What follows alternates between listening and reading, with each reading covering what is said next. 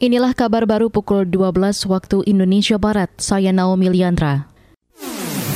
Kabar Pemilu. Kabar Pemilu.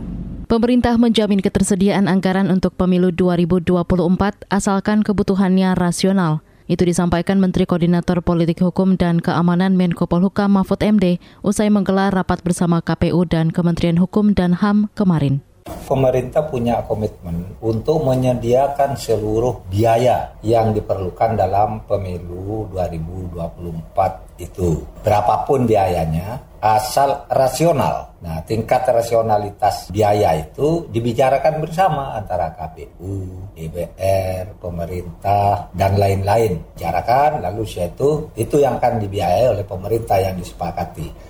Menko Polhukam Mahfud MD memastikan Kementerian Keuangan mencairkan anggaran pemilu tiap tahun sepanjang prosedur terpenuhi.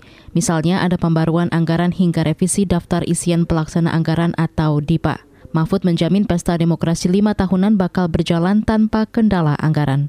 Saudara, kasus mingguan COVID-19 di Indonesia kembali melonjak. Pekan ini kasus naik lebih dari 38 ribu atau 15 kali lipat lebih tinggi dari awal Juni lalu.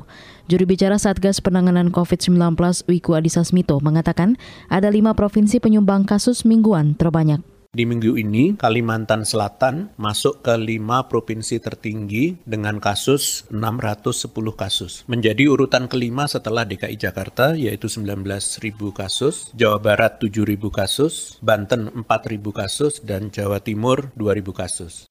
Juri bicara Satgas COVID-19 Wiku Adhisa Smito menambahkan, angka kematian di lima provinsi tersebut juga meningkat.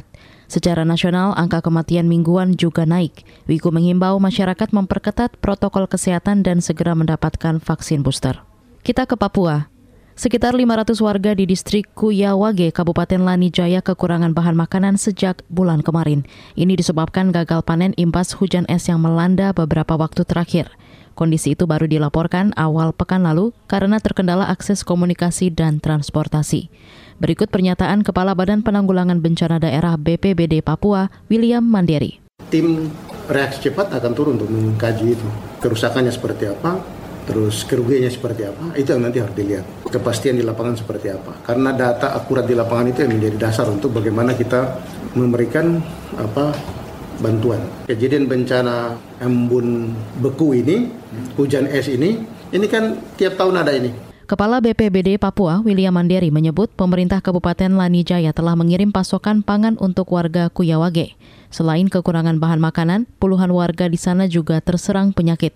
Informasi yang diterima KBR, sudah empat orang meninggal dunia diduga akibat penyakit itu. Demikian kabar baru KBR, saya Naomi Liandra.